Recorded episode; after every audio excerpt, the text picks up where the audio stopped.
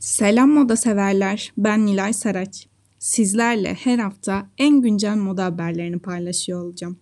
Peki geçtiğimiz hafta moda camiasında neler oldu? Bir bakalım. İlk haberimiz genç tasarımcıları sevindirecek. Çünkü dünya ünlü İngiliz moda evi Burberry genç tasarımcıları destekleyici bir proje yarattı.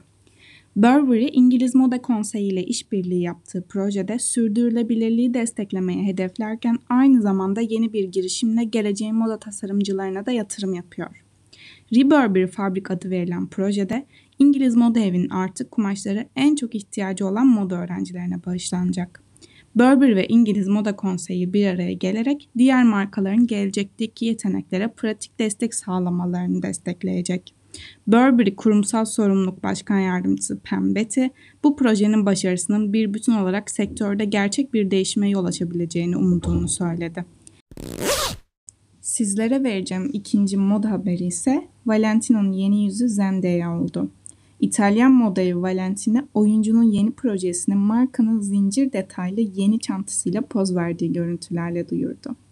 Stilist Love Roach ile çalışarak son dönemlerde moda ikonu haline gelen Zendaya, Valentino için markanın yeni kodlarını temsil ediyor. Valentino'nun yaratıcı yönetmeni onu çağdaş romantizm anlayışının doğal bir temsilcisi olarak görüyor. Tasarımcı bir açıklamada Valentino'nun yeni yüzü olarak Zendaya'yı seçmemizin nedeni bugün Valentino'nun ne olduğunu ve temsil ettiği şeyi mükemmel bir şekilde somutlaştırmasıdır dedi. Zendaya da Valentino'nun yüzü olarak seçilmekten gurur duyduğunu belirtti. Bu hafta size aktaracağım moda haberleri bu kadardı.